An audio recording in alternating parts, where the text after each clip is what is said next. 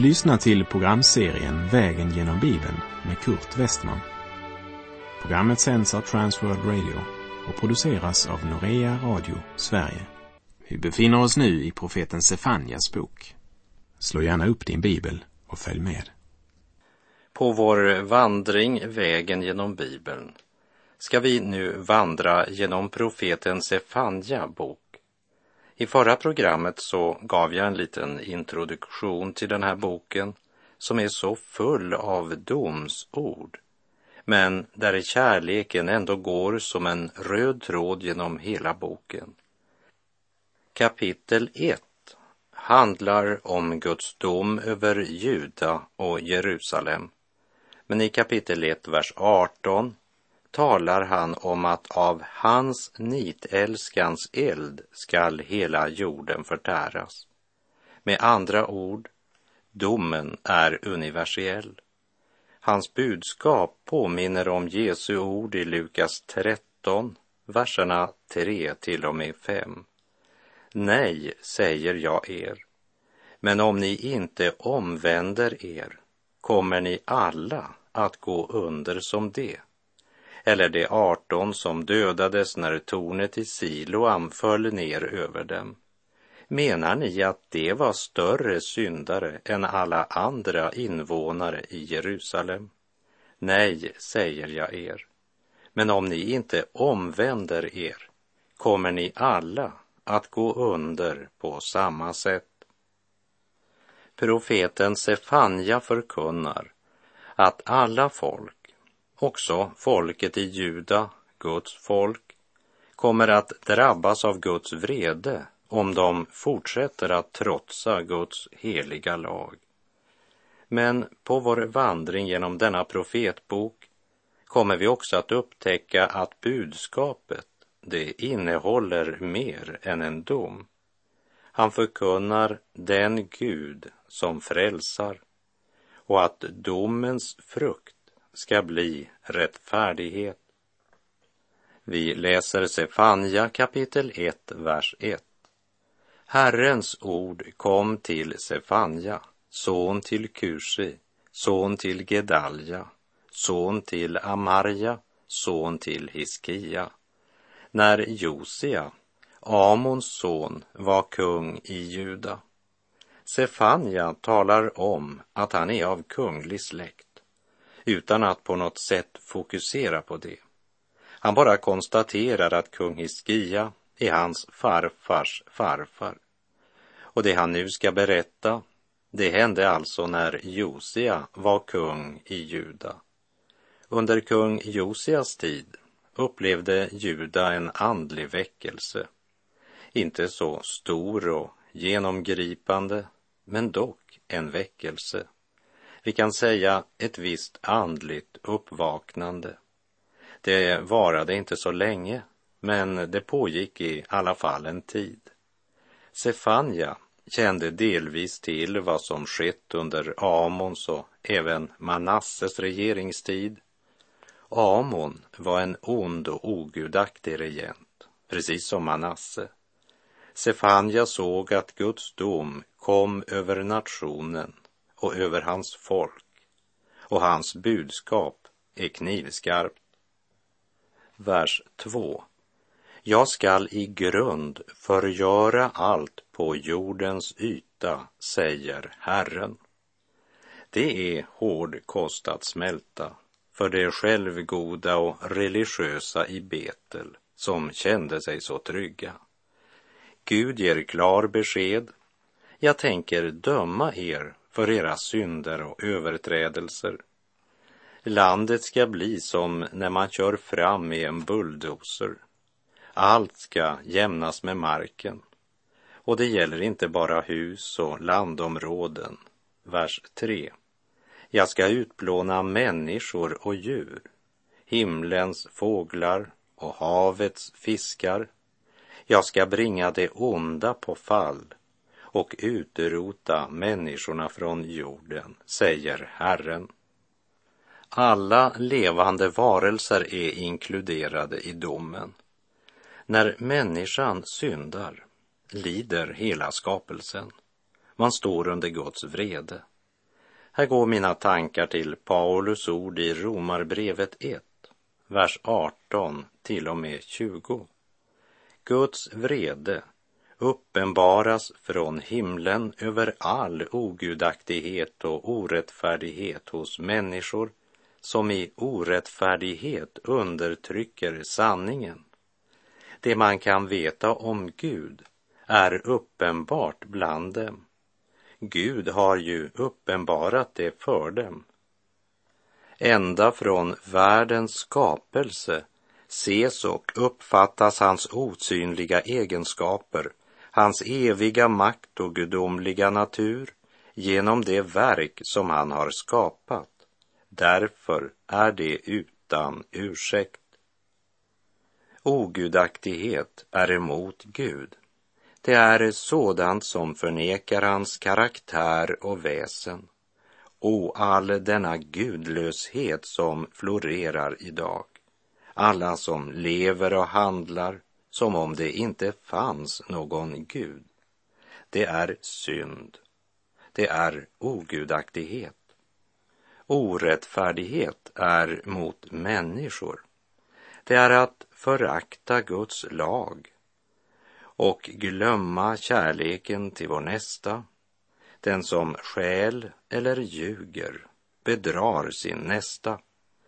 Och Guds vrede uppenbaras från himlen över all ogudaktighet och orättfärdighet hos människor som i orättfärdighet undertrycker sanningen.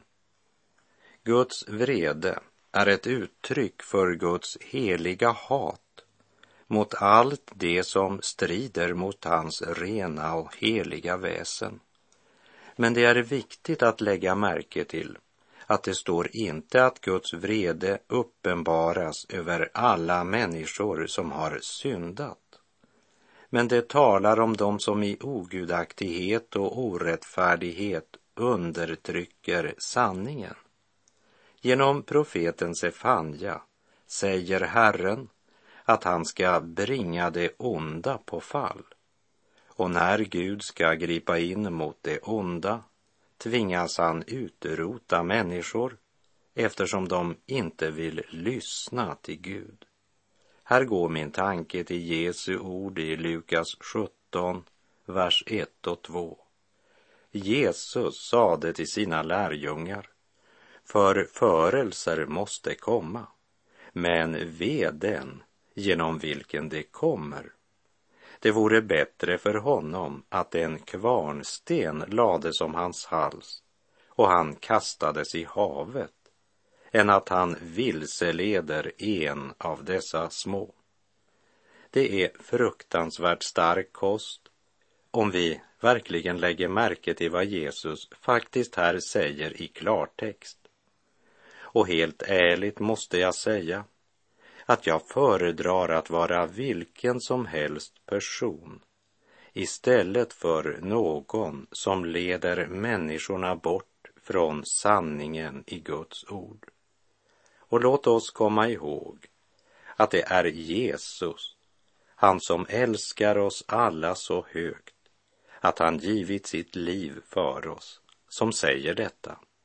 Så allvarligt är det att undertrycka sanningen.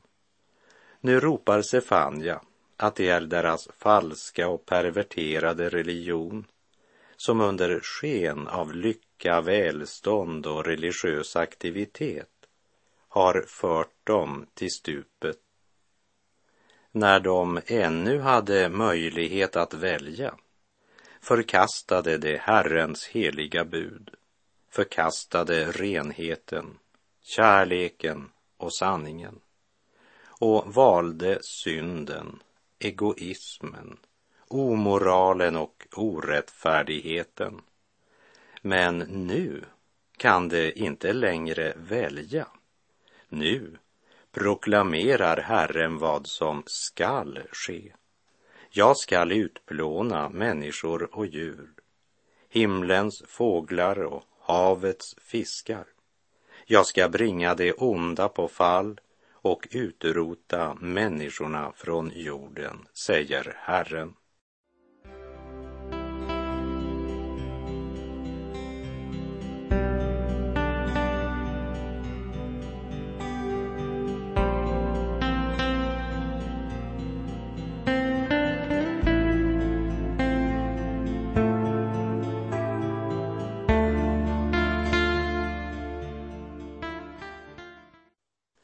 I Sefanja kapitel 1, vers 2 och 3 talar Herren om att han ska döma synden. Han ska döma allt på jordens yta, säger han. Men när vi kommer till Sefanja 1.4 blir domen mera specifik.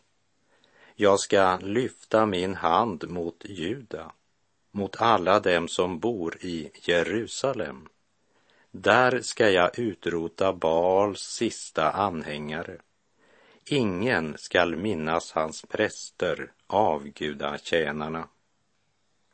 Nu är domen inte bara generell längre, utan nu riktar Gud sitt finger mot folket i Juda och även deras religiösa verksamhet i Jerusalem.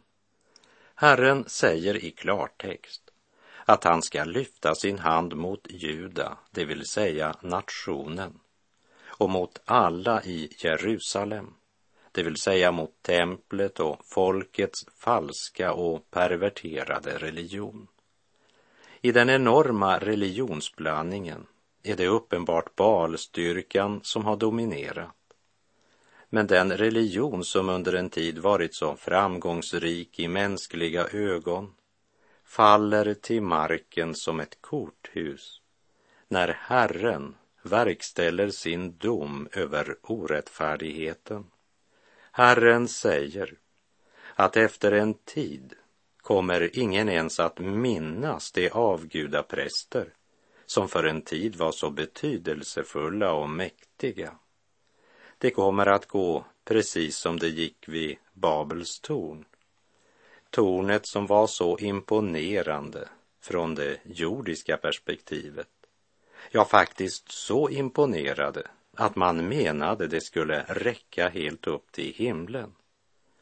Så andas Gud på människans läppar och förvirringen är total. Det grandiosa projektet är slut på ett ögonblick. Har eh, Tornprojektet kostat pengar, arbetsinsats, möda, ansträngningar och inte minst enorm tid, så behöver inte Gud lång tid. I Första Moseboks elfte kapitel låter Gud oss möta den självsäkra, beslutsamma och energiska människans imponerade verk och vad det verket är värt efter att Gud har blåst på det. Nu är det Juda och Jerusalem som står under domen, ropar Sefanja. Och Gud ska utrota Baals sista anhängare, så ingen ens ska minnas hans präster och avgudatjänare. Det är många i Sverige som tror att Sveriges problem ligger i riksdagshuset. Men jag tror inte det. Vi har de politiker vi förtjänar. Andra tror att om vi bara kunde höja moralen och kunde bli lite snällare mot varandra, inte vara så våldsamma och inte stjäla, så skulle det lösa våra problem. Men för att gå rakt på sak så tror jag att Sveriges problem, det är vårt andliga avfall. Problemet finns i våra egna hjärtan. Kyrka och församling har svikit när det gäller att förmedla Guds budskap. Därmed har jag inte sagt att det gäller varje präst eller församlingsföreståndare eller varje lokal församling. Det finns också idag sådana som inte böjt knä för denna tidsålders vindar, utan som lyfter fram Guds ord i förkunnelse, bekännelse och vardagsliv. Och jag tackar Gud för dem. Men de stora samfunden och kyrkorna har lämnat tron, lämnat Guds ord, ja, lämnat Gud samtidigt som den enorma verksamheten rasar vidare i ett desperat försök på att rädda organisationen eller rädda samfundet. Här går mina tankar till något som fariseerna och de skriftlärda sa om Jesus, som vi återfinner i Johannes 11, 48. om vi låter honom hålla på så här kommer alla att tro på honom. Och sedan kommer romarna och tar ifrån oss både vårt tempel och vårt folk. Med egoismen som utgångspunkt var det fruktan för statsmakten som fick dem att handla och inte ordet från Gud. De betraktar både Guds helgedom och folket som sin ägodel. Lägg märke till deras ord. Då kommer romarna och utplånar både vår heliga plats och vårt folk. Och då talar de om det som en gång hade varit Guds tempel och Guds folk. Sefanja ropar ut till sin generation. Templet är inte Guds tempel längre. Respekten för den helige är borta. Guds fruktan är borta. Det är religionsblandning, synd och omoral som råder. Och Gud kommer att lyfta sin hand mot Jerusalem trots templet. Och hans budskap är inte något som en extrem fundamentalistisk predikant har hittat på, utan det är ett budskap som Herren har uppenbarat för sin tjänare Sefanja.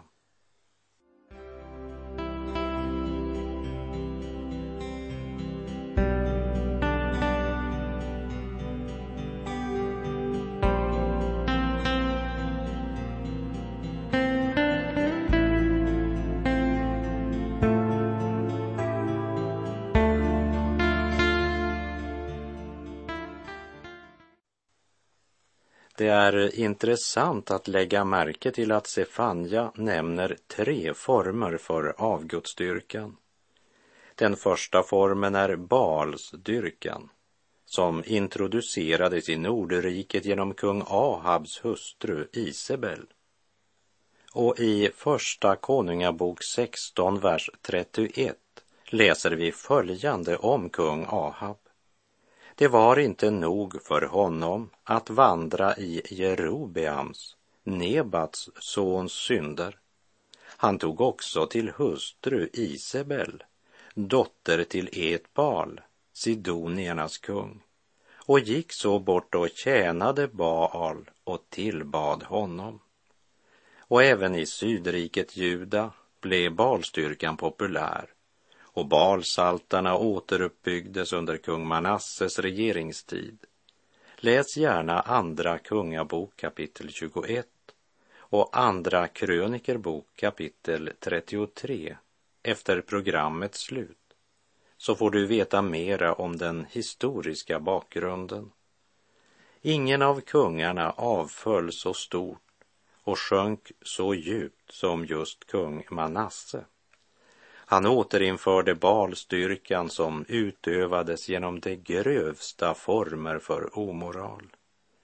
Parallellt med avguden Baal så började man också tillbe gudinnan Astarte. Och när kvinnlig gudom införs leder dyrkan alltid till omoral, vilket skedde i Juda och just under den perioden. När Josia blev kung och han avskaffade offerhöjderna och avgudaaltarna både i Betel och i Jerusalem och han befallde folket att hålla högtid åt Herren så som det var föreskrivet i förbundsboken. Den andra formen för avgudsdyrkan, den återfinner vi i Sefanja 1, vers 5. Jag skall utrota dem som knäfaller på taken för att tillbe himlens här. En avgudadyrkan som var mera raffinerad och obestämbar. Den verkade ganska diskret eftersom det var skapelsen man tillbad och eftersom Gud var skaparen så tyckte många att det var inte någon motsättning till dyrkan av Israels Gud. Men sanningen var att de dyrkade det skapade istället för skaparen.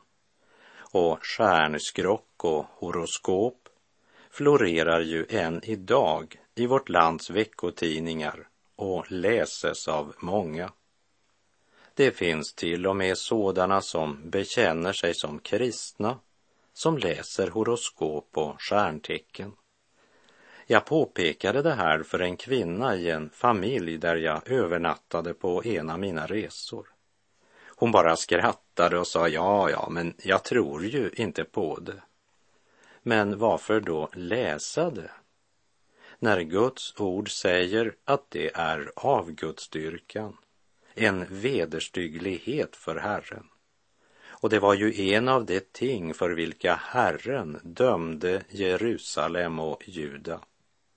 Men den mest raffinerade formen för andligt avfall, det är den som nämns i slutet av vers 5. Den som knäfaller för Herren, men svär vid Milkom. Milkom är ett av namnen på avguden Molok, ammoniternas gud, åt vilken barn blev offrade. Tillbedjan av Milkom eller Molok det skedde genom att man offrade sina barn. Och det förföriska bedrägeriet, ja, det bestod i att man samtidigt som man praktiserade detta så bekände man sin tro på Herren, Israels Gud. Man frambar sitt eget barn, vilket offrades i eld. Avguden blev upphettad tills han var rödglödande. Sedan lades barnet levande i den glödheta avgudens famn. Inför detta barbari säger vi i Sverige, ja men det är i alla fall ingenting som sker hos oss. Så den varningen är inte alls aktuell för oss. Men är det inte barnen vi offrar i en kultur där Guds ord tagits bort från både skolor och andra utbildningsanstalter. Där omoral betraktas som frihet och rättfärdigas genom att kalla det för den nya moralen, fast den inte alls är ny. Den har sina rötter i ormens budskap redan i lustgården. En kultur där våld och mord blivit underhållning och där vårt lands lagar kallar homofili och fostermord för en rättighet. Där barnen och det uppväxande släktet får lära sig att förakta Gud och blir inbillade att lyckan kan köpas för pengar. Villigt lägger vi våra barn på ogudaktighetens altare barnen som är en välsignelse, en gåva från Gud, betraktas inte längre som en välsignelse, utan bara som något som utgör ett hinder för vårt självförverkligande. Barnen är en gåva från Gud, ett lån som vi ska förvalta för Herren. Och Herren kommer att hålla oss ansvariga för hur vi har förvaltat den gåvan.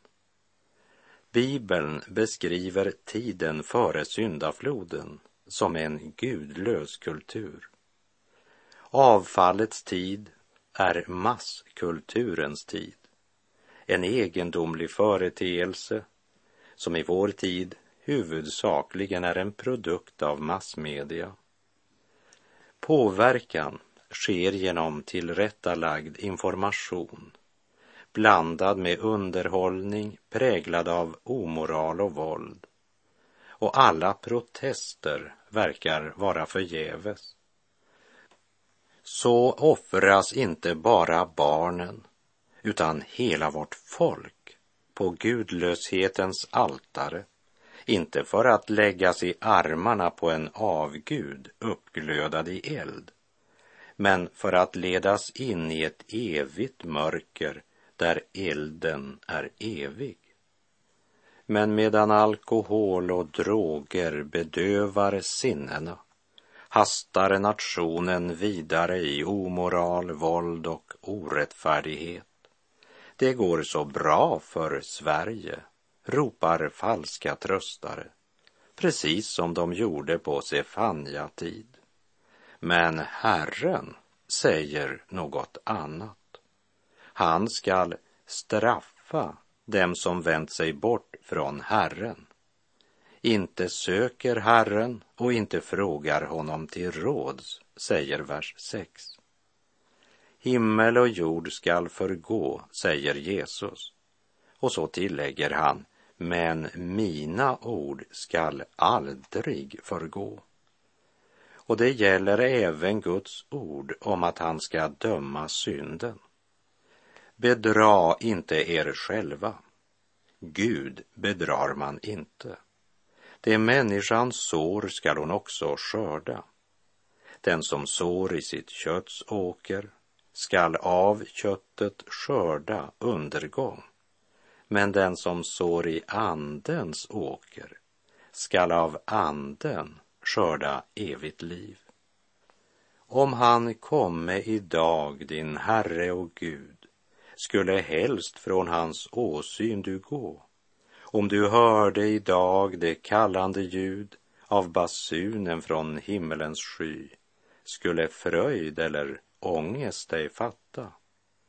Om han komme idag och pröva dig än, medan anskriet dröjer och säg, är hans ankomst dig kär, eller fruktar du den? Och vart leder dock slutligt din väg? Ty den stund du ej menar, han kommer. Och med det så är vår tid ute för den här gången. Sök Herren medan han låter sig finnas. Åkalla honom medan han är nära. Herren vare med dig. Må hans välsignelse vila över dig. Gud är god.